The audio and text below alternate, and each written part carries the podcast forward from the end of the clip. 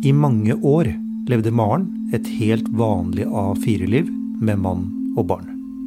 Men inni henne vokste et emosjonelt kaos. Noen uker før pandemien stenger Norge, går hun inn i et hus fullt av ukjente mennesker. Og slipper løs det som skal forandre alt. Jeg heter Kjetil Bjørgan, og du hører på Fortalt fra Aftenposten.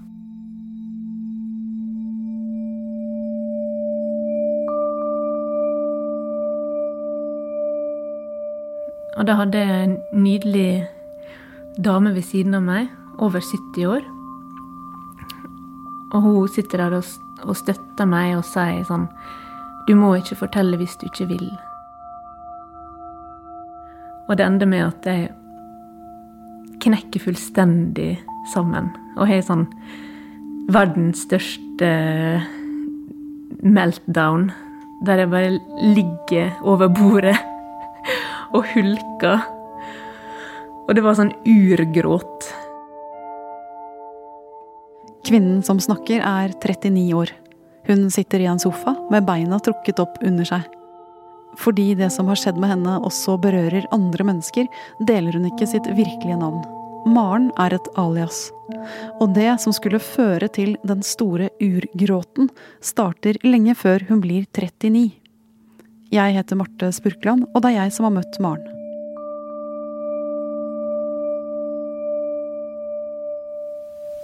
Jeg vokste opp på en liten plass der alle kjenner alle. Og jeg husker fra barndommen at jeg hele tida har hatt en sterk fornemmelse av at jeg må oppføre meg som ei jente. Men så har jeg alltid hatt det her eh, interessene for å Lage ting, snekre, bygge. Litt mer sånn tøffe tøff, Tøffe ting, da. Uten at jeg klarer helt å sette fingeren på det, så har jeg hele tida hatt en sånn følelse av at jeg, jeg har måttet tilpasse meg veldig og være en sånn søt jente. Det er noe med de sannhetene som fester seg fra vi er små.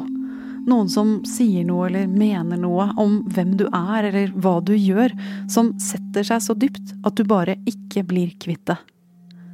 Maren forteller at hun vokste opp i en god, varm og nær familie, som ofte samlet seg rundt felles måltider. En gang da hun var 14-15 år gammel, skjedde dette.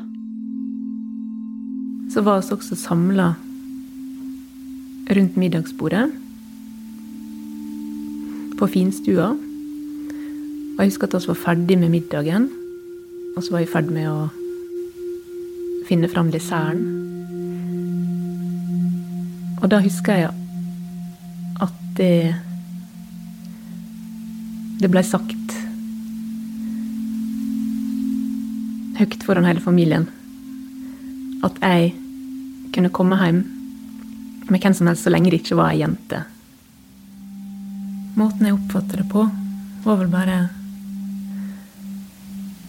at jeg tenkte at ja, ja, da må jeg bare tilpasse meg det. Så det blei ja, det ble med meg videre. Jeg husker når jeg studerte på videregående, så var det ei av jentene i klassa. Og hun var ei sånn jente som jeg så veldig opp til. Hun var også veldig kul. Og jeg digga henne, for hun var alltid morsom, alltid hyggelig. Og på et tidspunkt da, så husker jeg at hun sa Hvis jeg hadde funnet ut nå at jeg var lesbisk, så hadde jeg tatt sjølmord. Og den episoden husker jeg veldig godt. For jeg tenkte også bare sånn Ja, øh, det ville jeg også gjort. Tenk å funne ut at han er lesbisk nå, liksom. Åh, nei, det, liksom, det føltes som verdens ende, da. Og du følte ikke at det hadde noe med deg å gjøre? Nei. det hadde ingenting med meg å gjøre. nei.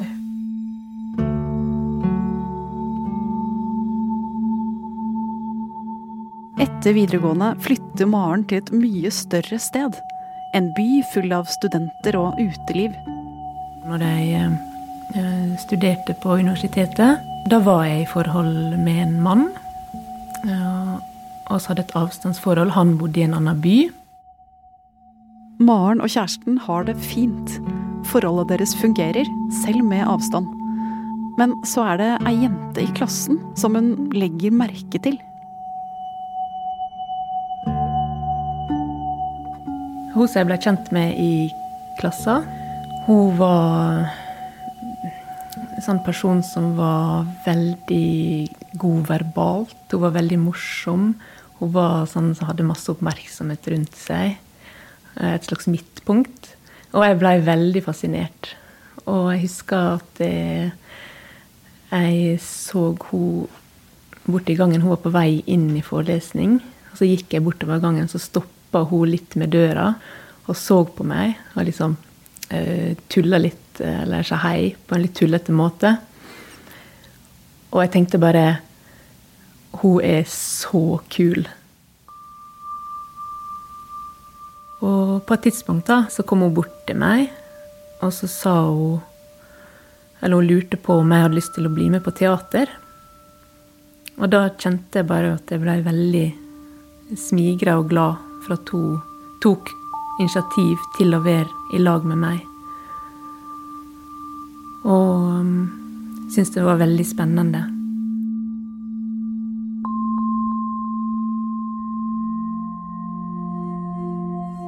Og så dro vi på den teaterforestillinga om kvelden. Jeg husker når vi gikk derifra og var på vei hjem etter teateret. Og så gikk bortover, og så stoppa oss. Og så kyssa oss. Og så var begge litt sånn OK, hva som skjedde nå? Det var første gang jeg kyssa ei jente.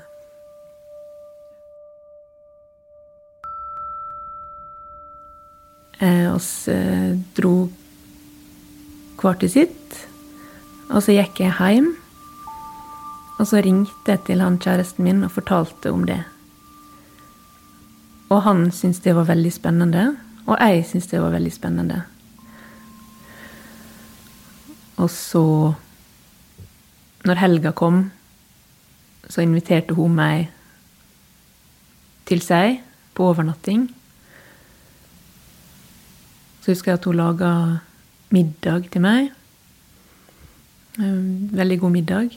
Jeg husker fortsatt den dag i dag, alltid når jeg tenker på å lage sånn kylling-wraps med rød løk. Stekt rødløk i lag med kyllingen. Så tenker jeg alltid på den gangen. Han kjæresten min som bodde i den andre byen, han syntes det var greit at jeg eksperimenterte med henne. Og hver gang jeg f.eks. hadde overnatta med henne, så fortalte jeg det til han. Og det ble en sånn spenning rundt det, da. Og den historien som jeg fortalte meg sjøl, det var at dette her, det er kun spennende fordi jeg kan fortelle det til han, som er en mann. Så jeg var hele tida 100 overbevist om at jeg var eh, ja, 100 heterofil, da. Jeg var helt overbevist om at jeg var 100 hetero.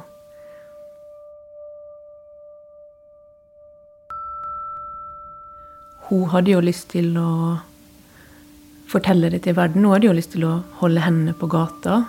Og jeg husker at jeg tenkte på det veldig som sånn Hvis noen i familien min skulle få vite det her, at jeg har et forhold til ei dame jeg tenkte på det som sånn verdens undergang. Det var bare sånn Det er det verste som kan skje. Det må aldri komme ut.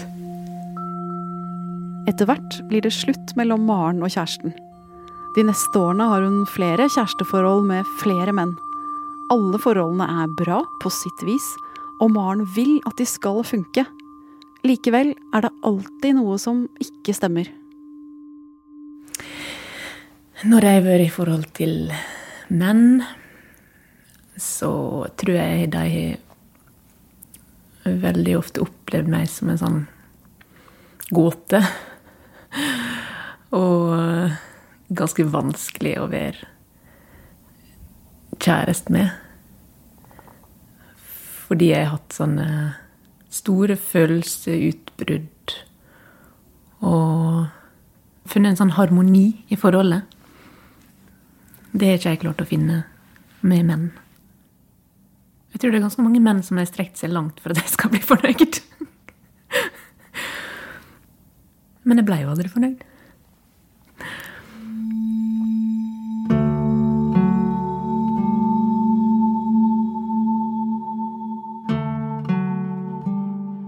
Når hun ser tilbake, tenker hun at forelskelsene i menn handlet om bekreftelse. Hun ville at kjærestene skulle synes at hun var flott og attraktiv, og at forholdet til dem på en eller annen måte skulle fikse henne. Et par år etter at hun har fylt 30, møter hun en som det blir alvor med. Jeg valgte jo å bli, bli kjæreste med han som jeg har barn med, fordi at jeg ble veldig tiltrykka av han han hadde en veldig sånn leikenhet ved seg, og som jeg likte da, umiddelbart. Og jeg likte utseendet hans. Og så hadde det veldig fint eh, sammen. Og så hadde jeg også et veldig sterkt ønske om å bli mor. Som var en veldig sånn sterk drivkraft i meg. Og den drivkrafta tror jeg kan skygge over masse annet, altså. Og så fikk vi et barn i lag. Måten oss hadde det, var jo at vi bodde i ei leilighet i lag. Og så um, fikk oss hverdagen til å fungere. Jeg uh, elska å være mor, og jeg er så takknemlig for å ha fått et barn. Men det var også veldig sånn rotete, husker jeg. Det, det er som at det, hver dag er sånn emosjonelt kaos. Jeg husker bare sånne episoder fra når jeg leverte i barnehagen, f.eks. Så kunne jeg gå derfra og bare føle at det var et eller annet som var feil med meg. Maren begynner å gå til psykolog. Det burde jo hjelpe på det emosjonelle kaoset. Og det gjør det også, i starten. Men så bringer terapien fram noe i henne som gjør det hele enda mer kaotisk. Og midt inni der en plass så skjønte jo Eller så begynte jeg å kjenne på at jeg hadde veldig sterke følelser til eh, psykologen. Og så utvikla det seg egentlig til at jeg kjenner på en veldig sterk forelskelse til henne. Det var jo veldig sterkt for meg fordi at hun var ei dame og da konfronterte jeg hun med at jeg hadde følelser for henne. Så snakka oss på en måte gjennom det.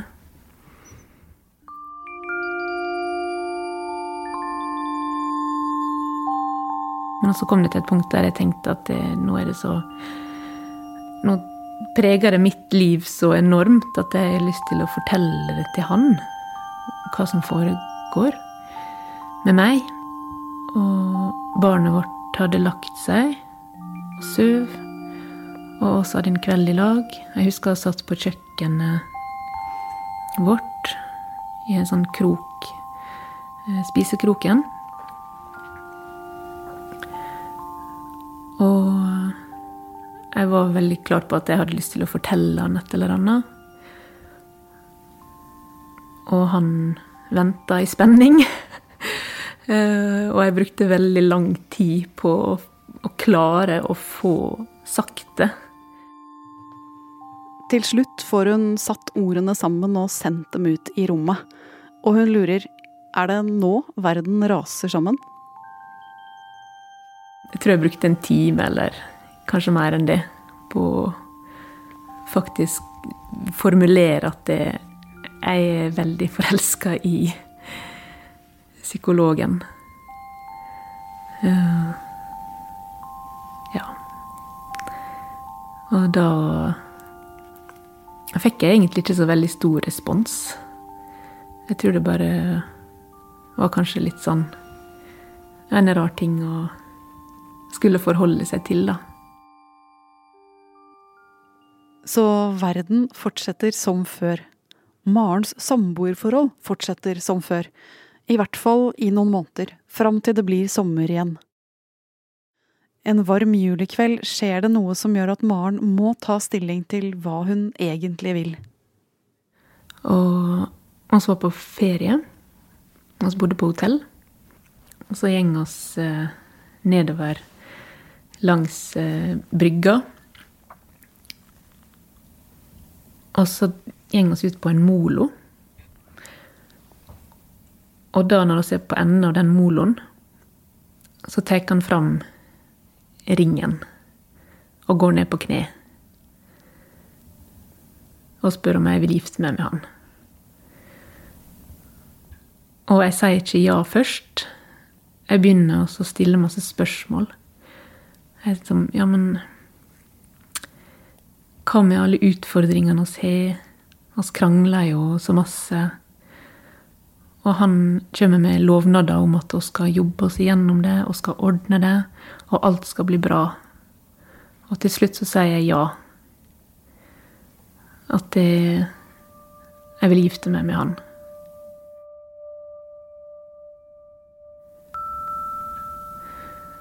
Og så går vi eh, hjem igjen. Og så forteller det faktisk til foreldrene mine. Og broren min kjøper en flaske champagne og vi drikker på hotellrommet. Og alle er glad. Jeg trodde jeg også var glad, men det, i dagene etterpå så skjønte jeg jo bare at det, ja, alt ble liksom snudd opp ned. Føltes som et mareritt. Jeg, lev, jeg levde i et uh, mareritt fordi det føltes helt feil. Dessverre. Jeg hadde ikke lyst til å fortelle det til mine nærmeste venner engang.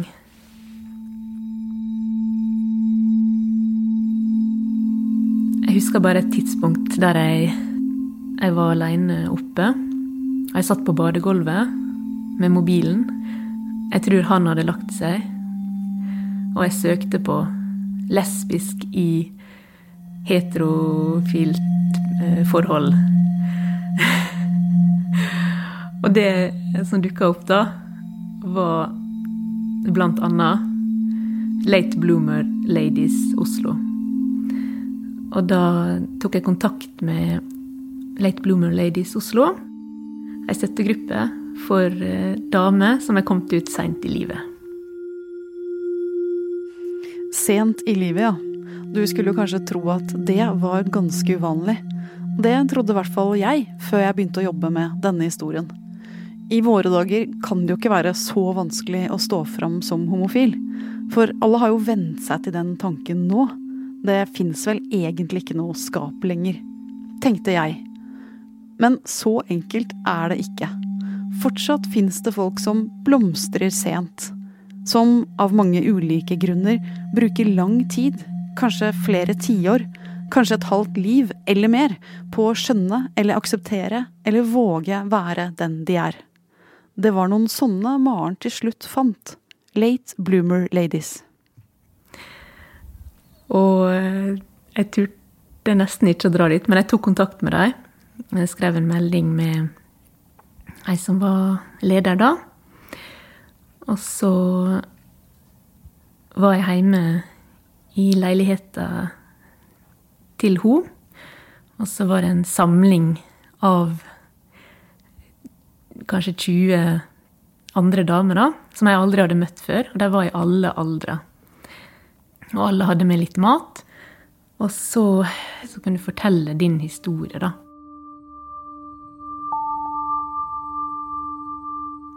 Og da hadde jeg en nydelig dame ved siden av meg, over 70 år. Og hun sitter der og, støtter meg og sier sånn Du må ikke fortelle hvis du ikke vil. Og så kommer det til, til meg, da, at det, det blir min tur til å fortelle. Og jeg hadde virkelig lyst til å fortelle. Så jeg fortalte da til en, en gjeng med totalt ukjente damer om eh, forholdet mitt jeg er i. Jeg forteller at han er fridd til meg, Og jeg veit virkelig ikke hva jeg skal gjøre.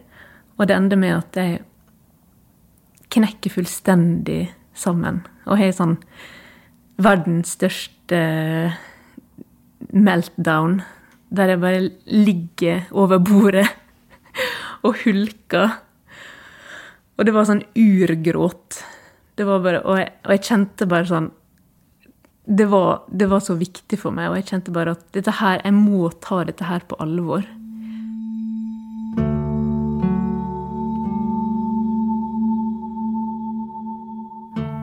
Og det var da, da så klarte jeg å, å bryte ut av forholdet med han.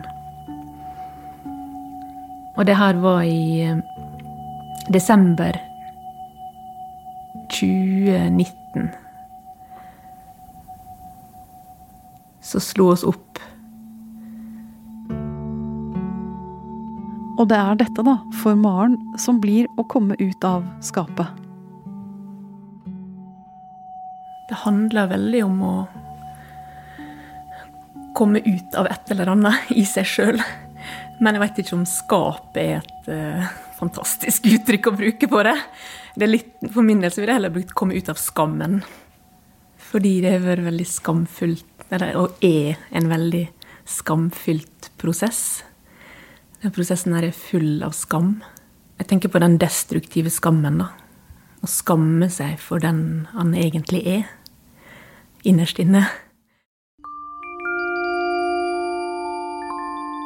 Mens samfunnet stenger ned våren 2020, gjør Maren og samboeren seg klare til å bryte opp den vesle familien sin. Gjennom de stille månedene som følger, samler hun mot til å fortelle de rundt seg hva som har skjedd. Etter lang, lang tid der jeg begynte å bli litt mer trygg i meg sjøl, så turte jeg å fortelle. Jeg turte ikke å si lesbisk. Det tør jeg nesten enda ikke å bruke. Men eh, jeg fortalte at det Hvis jeg finner meg en ny partner, så kan det være at det er ei dame. Så det kan være at jeg kommer hjem med ei dame. Og jeg er en sånn person som blir forelska i andre damer. Og eh, jeg er blitt møtt med godvilje der også. Og den gangen jeg fikk høre, da, når jeg var i puberteten, og jeg fikk høre at eh, jeg kunne komme hjem med hvem som helst så lenge det ikke var ei dame Det jeg skjønte nå i ettertid, når jeg snakka med dem, så jeg skjønte at det var jo bare en spøk. Og det skjønte ikke jeg der, der og da at det var en spøk. Men tenk at det preger livet på den måten. Nå gjør hun seg klar til å gå ut i en vid, åpen verden.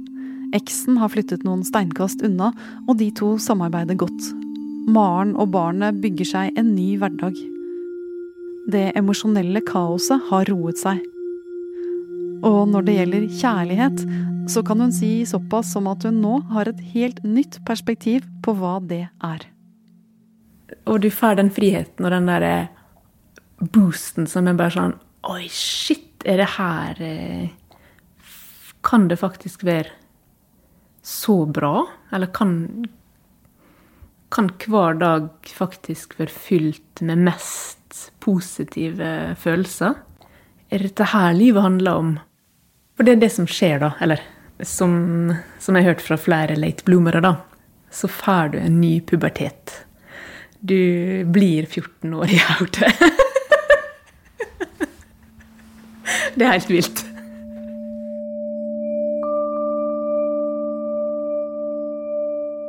Fortalt er en podkast fra Aftenposten. Og denne episoden er laget av Marte Sprukland sammen med produsent Sigurd Øygarden Fleten. Takk også til Peter Daatland. Musikken er laget av eh, Tom Willy Rustad, Amund Sjøli Sveen, Camilla Eddiassen og Kjetil Bjørgan. Ansvarlig redaktør i Aftenposten er Trine Eilertsen. Har du lyst til å ta kontakt med oss, så kan du gjøre det ved å sende en e-post til eh, fortalt krøllalfa aftenposten.no.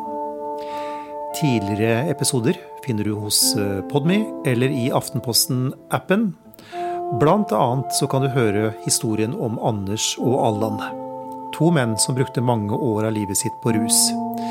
Begges historier starter med en følelse av å ikke passe inn.